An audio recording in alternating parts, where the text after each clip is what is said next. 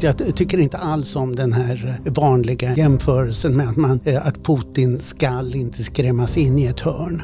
Om man vill slå ihjäl en råtta så eh, klämmer man in den i ett hörn och sen slår man ihjäl den.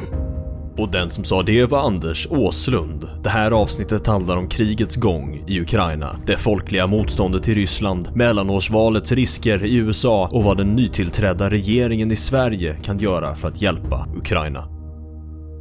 Och nu sitter vi här med eh, Åslund som är senior fellow här på Frivärd och också adjungerad professor vid Georgetown University.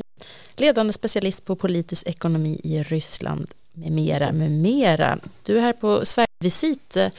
Du bor i Washington i vanliga fall men eh, nu är du på något av en Europaresa, har bland annat varit i Ukraina, eller hur? Ja, just det. Jag har åkt runt eh, till alla möjliga länder på fyra veckor. Mm. Mm. Hur var din resa i Ukraina? Mycket intressant. Jag var på en fin konferens eh, organiserad av affärsmannen eh, Viktor Pinchuk och han hade hyrt ett tåg från Polen där vi var ett 80-tal utlänningar och vi hade mycket stor säkerhet.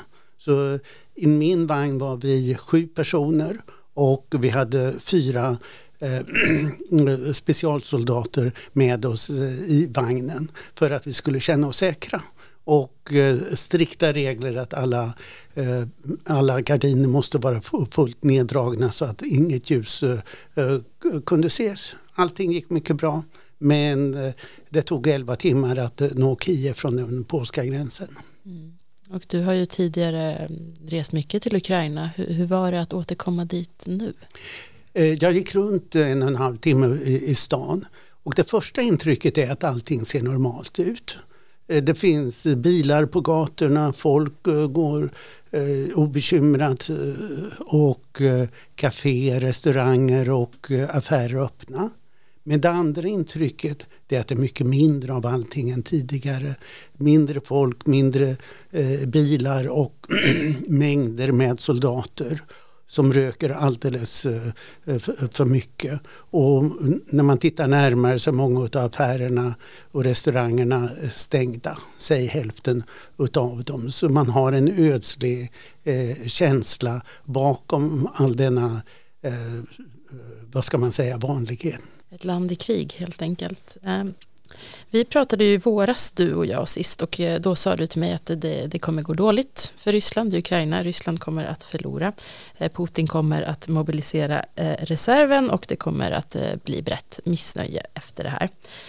Och att det till sist skulle leda då till att Putin förlorar och hans dagar blir räknade. Då kunde kanske somliga uppfatta att det här var lite väl optimistiskt. Nu ser utvecklingen annorlunda ut. Vad, vad, vad, säger du om det här nu? Ja, det är precis samma som jag tror nu. Eh, jag hade eh, förmodat att det skulle gå snabbare. För jag trodde inte att den ryska armén skulle kunna hänga ihop så länge som den har gjort. Jag trodde att det här skulle ta tre månader. Nu är vi inne på åttonde månaden. Mm. Nyligen så har ju Putin eh, beordrat partiell mobilisering, om det nu finns någonting som, som är partiell mobilisering. Och det var ju länge sedan det här skedde sist. Eh, det var dels under andra världskriget 1941 och dessförinnan var det i samband med första världskriget 1914. Ehm, och du var ju själv eh, på, på flighten hit från, från Helsingfors till Stockholm så upplevde du ju själv hur ryssar har eh, reagerat på det här. Skulle du kunna berätta lite mer om det? Ja, på flighten igår från Helsingfors vid midnatt var det fullt med folk mm. och 90-95 procent var ryssar. Unga ryska män, högvuxna som var mycket tystlåtna. Uppenbarligen som ville ta sig bort så långt som möjligt från Ryssland så snabbt som möjligt. Mm.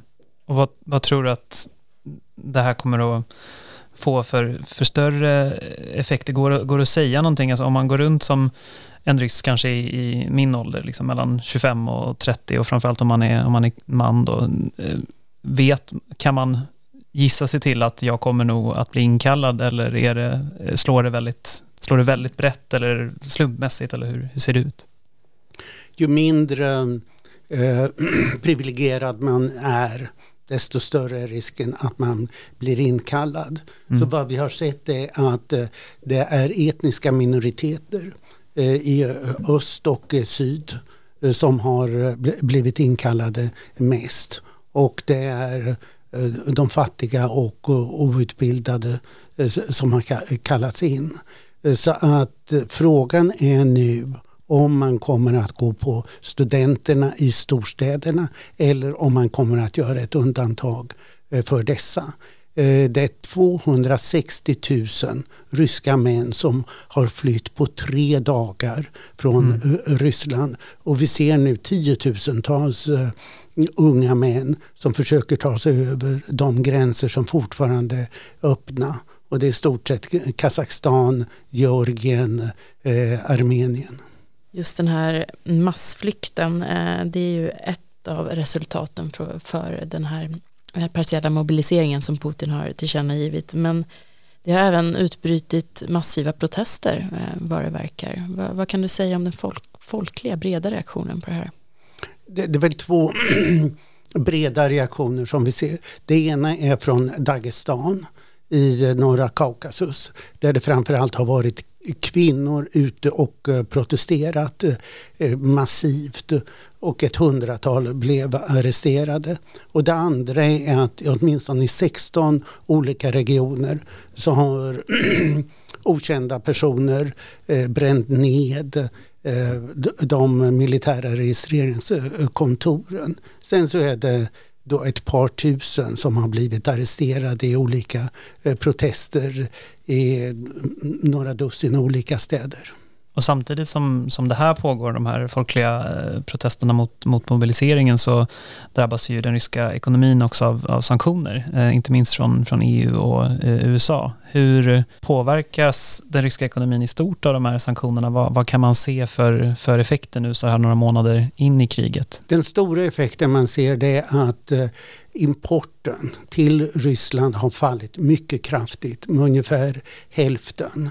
Och det här är då framförallt elektronik mm. som inte längre kan importeras. Och det här innebär att Ryssland kan knappast producera bilar längre.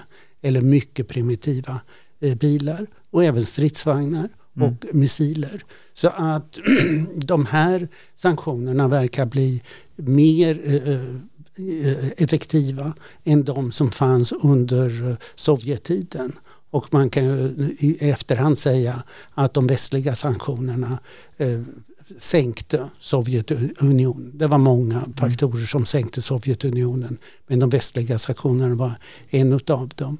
Eh, de finansiella sanktionerna har dock visat sig inte vara så effektiva som man kunde ha trott. Och det beror på bland annat vill man inte eh, sanktionera eh, jordbruksbanken för då kan Ryssland inte eh, exportera eh, spannmål. Mm. Och man vill inte sanktionera, eller hittills Gazprom Bank, för då blir det svårt att Eh, eh, leverera eh, gas och olja. Där tror jag att det kan bli en förändring. Så att det är inte tillräckligt många banker som har utsatts för, för sanktioner. Jag tror att det kommer att bli en påtaglig skärpning och det har varit, visat sig mycket svårt att införa sanktioner mot den ryska oljan.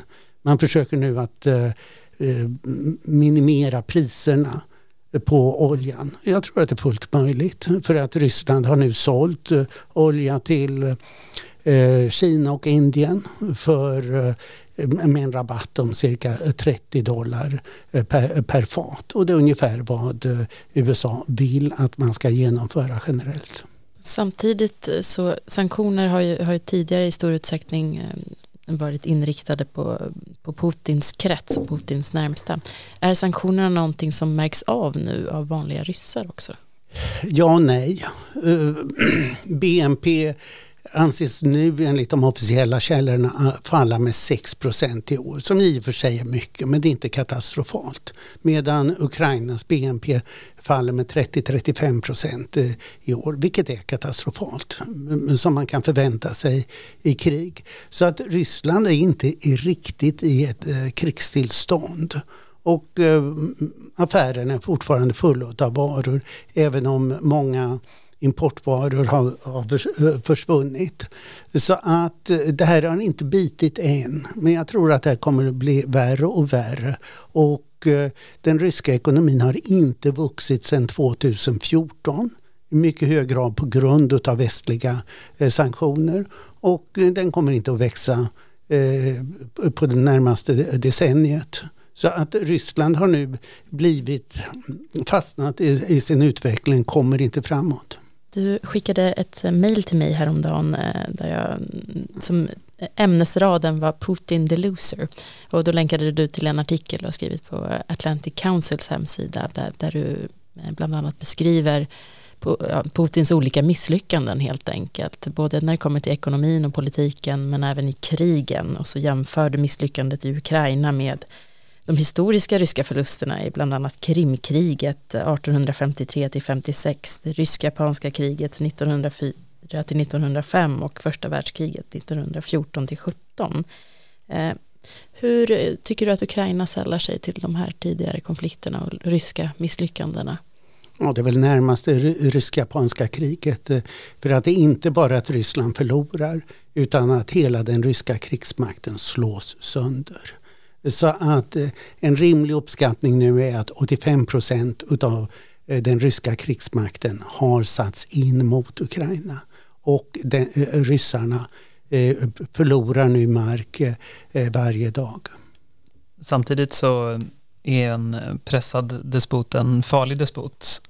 Och i Sverige här så har ju nu efter de senaste dagarnas eh, eskalering där Putin har återigen eh, hotat använda kärnvapen och, och, och tillkännagett den här mobiliseringen så har man kallat in försvarsutskottet till exempel. Ehm, och det kanske är en säkerhetsåtgärd som man bör vidta i största allmänhet i sådana här lägen. Men, men vad, vad tror du att, vad har Putin egentligen för, för valmöjligheter framöver? Vad, vad kan han komma att göra mer som han inte redan har gjort? Mycket lite. Jag tror att Putin eh, är på eh, sluttampen. Och eh, jag tycker inte alls om den här vanliga eh, jämförelsen med att, man, eh, att Putin skall inte skrämmas in i ett hörn. Om man vill slå ihjäl en råtta så klämmer man in den i ett hörn och sen slår man ihjäl den. Mm. Och det är så vi ska se på, på Putin. Men en mer relevant jämförelse är med Hitler. Han hade mängder av kemiska vapen massförstörelsevapen som han icke använde på grund av att han kunde inte se att hans läge skulle förbättras. Istället begick eh, han självmord och det är ungefär vad jag eh, tycker att vi bör se om eh, från Putin.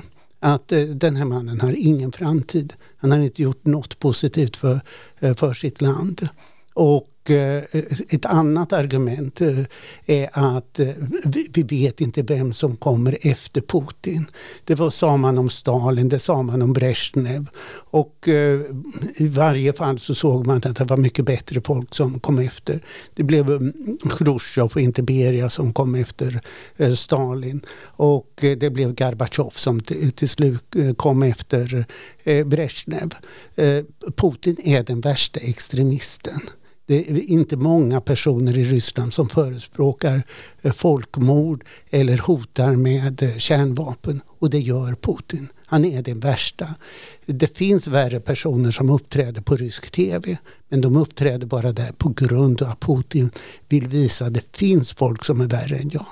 Mm. Samtidigt som det är svårt att se en, en framtid för Vladimir Putin efter de här historiska misslyckandena Eh, så vet vi i allmänhet inte så mycket om motståndet mot honom. Vad, vad, har du att säga om det? Hur ser det ut? Finns det krafter även inne i Kreml som nu akut vill ha bort honom? Vad vi vet är att det beslutande organet i Ryssland är säkerhetsrådet som det här organet är kallat. Och den består av 13 personer. Eh, en kvinna och sex eh, generaler. Och det är de här generalerna som är eh, den egentliga eh, kraften. Och eh, Nikolaj Patrushev, den nationella säkerhetsrådgivaren, anses vara den allra värsta. Så vi kan knappast tro att han ska göra någonting mot Putin utan det är de andra generalerna. i säkerhetsrådet som skulle kunna göra något mot Putin. Och Eh, säkerhetsrådet sammanträder eh, nästan en gång i veckan, vi kan säga var tionde dag. Putin är alltid med och leder alltid möten vilket visar att det här är viktigt. Och normalt är det bara en eller två personer som inte är närvarande. Där har man inte kunnat observera några skiftningar på senare tid. Vi vet ingenting om det. Vi får ett eh, litet meddelande, precis som vi fick från, eh, på, från politbyrån på slutet av Sovjettiden. Eh, ett kort meddelande om vad som eh, har förevarit. Det har bara varit ett möte som har skett eh, så att säga offentligt. Och det var när Putin krävde att alla skulle deklarera att de stödde hans krig. Jag vill bara poängtera att uh, utöver namnet så har uh, vår podd ingen annan uh, likhet med, med detta forum som vi just nu diskuterar. Nej, verkligen inte.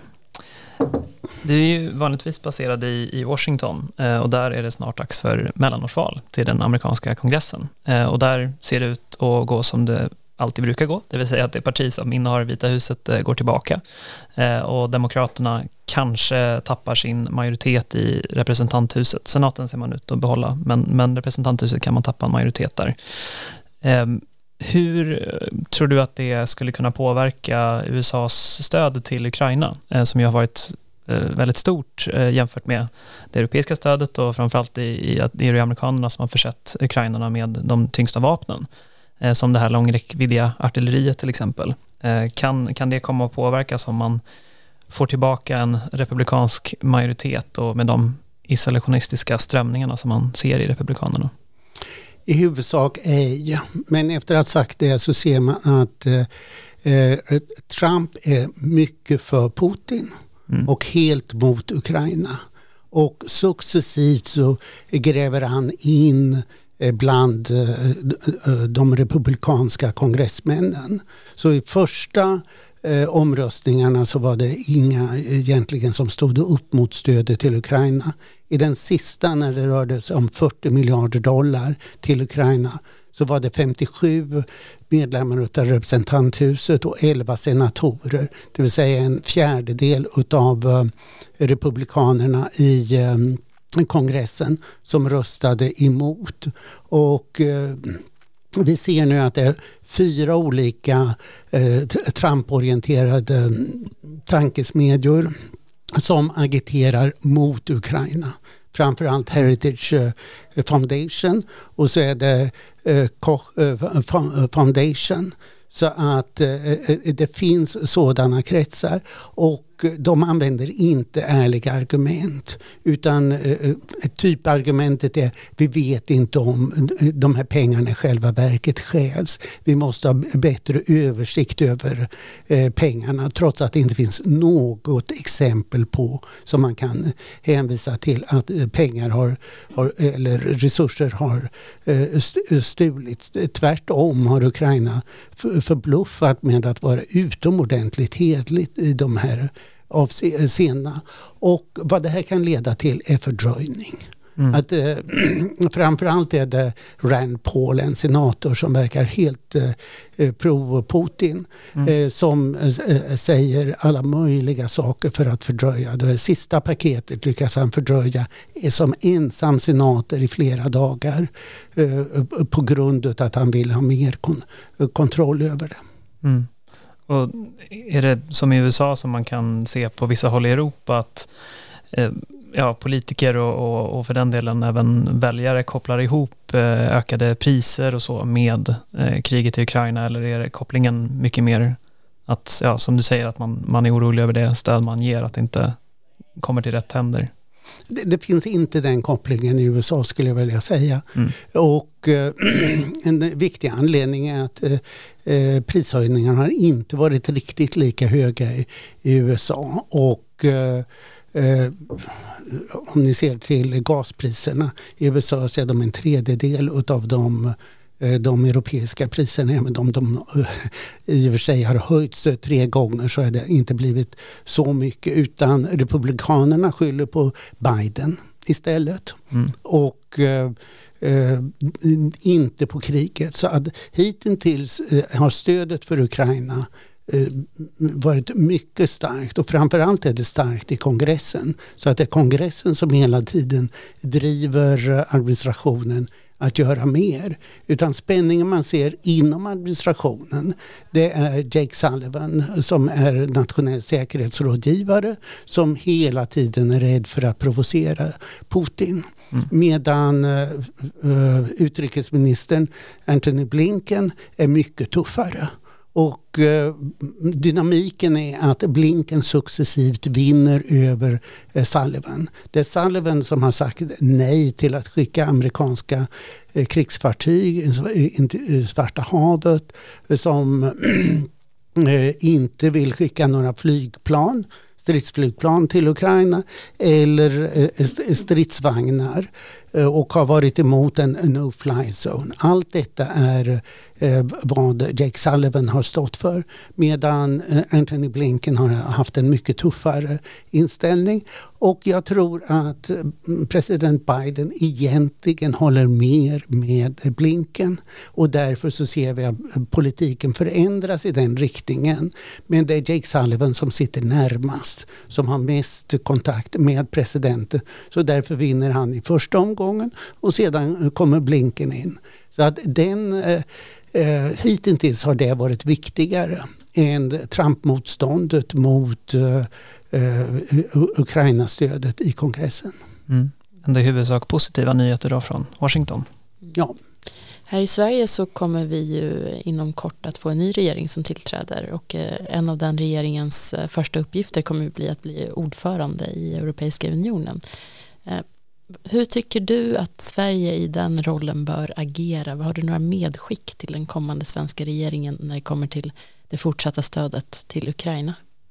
Ja, jag brukar alltid tycka att eh, Carl Bildt för eh, rätt utrikespolitik så att eh, eh det räcker med att läsa hans eh, blogg och eh, Twitter. Bara mer aktiv. Eh, än man har varit nu. Men jag måste säga att jag har varit rätt nöjd med den socialdemokratiska regeringen. Att den har vidmakthållit Carl Bildts eh, utrikespolitik när det gäller eh, Östeuropa utomordentligt väl. Men den skulle ha varit mer aktiv. Det stora misslyckandet är kanske oss ordförandeskapet som Sverige inte gjorde någonting utav. Så att det är vad Sverige inte bör göra som EU-ordförande. Utan nu gäller det att man samlar Europa så att eh, de franska, och eh, tyska och ungerska rösterna, eh, österrikiska, inte spelar allt för, för stor roll utan att den stora majoriteten av EU-länder kommer till, till, sin rätt. Vi har ju sett stora förändringar här så att Spanien under en socialistisk eh, premiärminister har nu blivit en av de starka understödjarna utav eh, utav Ukraina, eh, Grekland och Cypern som tidigare var mycket ryssvänliga levererar nu vapen till, till, Ukraina. Så det är bara två länder som inte levererar några vapen till Ukraina. Det är Ungern och Österrike. Och närmast dem står då Tyskland som lovar eh, runt och håller tunt. Och medan eh, president Macrons eh, tal i FNs eh, generalförsamling för en vecka sedan var strålande. En diger uppgift helt enkelt för Sverige som kommande ordförandeland. Ja, det ser ut att bli, bli mycket, mycket framöver, mer om Ukraina. Ja, men låt mig mm. tillägga här, det är två saker som Sverige bör driva. Mm. Det ena är finansiellt stöd till Ukraina som är nu alldeles för lite. Så att eh, EU har lovat som organisation eh, 10 eh, miljarder euro men bara levererat lite mer än två eh, miljarder. Eh, medan USA levererar 2,5 miljard dollar i månaden.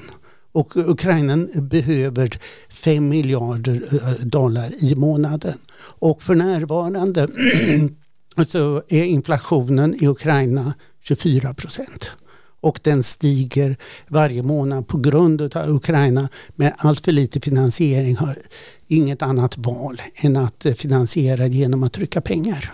Mm. Och det andra är Europa måste sätta igång och leverera vapen på ett eh, koordinerat sätt. Och vad vi har sett nu det är att eh, Tyskland, framförallt eh, eh kansler eh, Scholz, gång efter annan har satt käppen i hjulet och sagt nej vi ger inte tillstånd till det här från Estland som inte tilläts att leverera östtyska stridsvagnar till Ukraina. Till eh, nu varje vapenslag eh, eh, sätter han något, någon käpp i hjulet för. Det här kan inte fortsätta. Tyskland måste se till att bli, inte att bli ledare, men att bli anständigt. Mm. Och den som sa det var Anders Åslund, senior fellow här på Frivärd. Och i den här podden så har du också hört Katarina Tratsch och mig, Emanuel Urtengren. Rösten ni hörde i början tillhör Dino Ekdal och Dino har också gjort bearbetningen. Podden finns där poddar finns, på till exempel Apple Podcasts, Spotify och Acast. Prenumerera gärna där så att du inte missar ett avsnitt. Och kom ihåg att Sverige och friheten är värd att försvara. Motståndet upphör aldrig.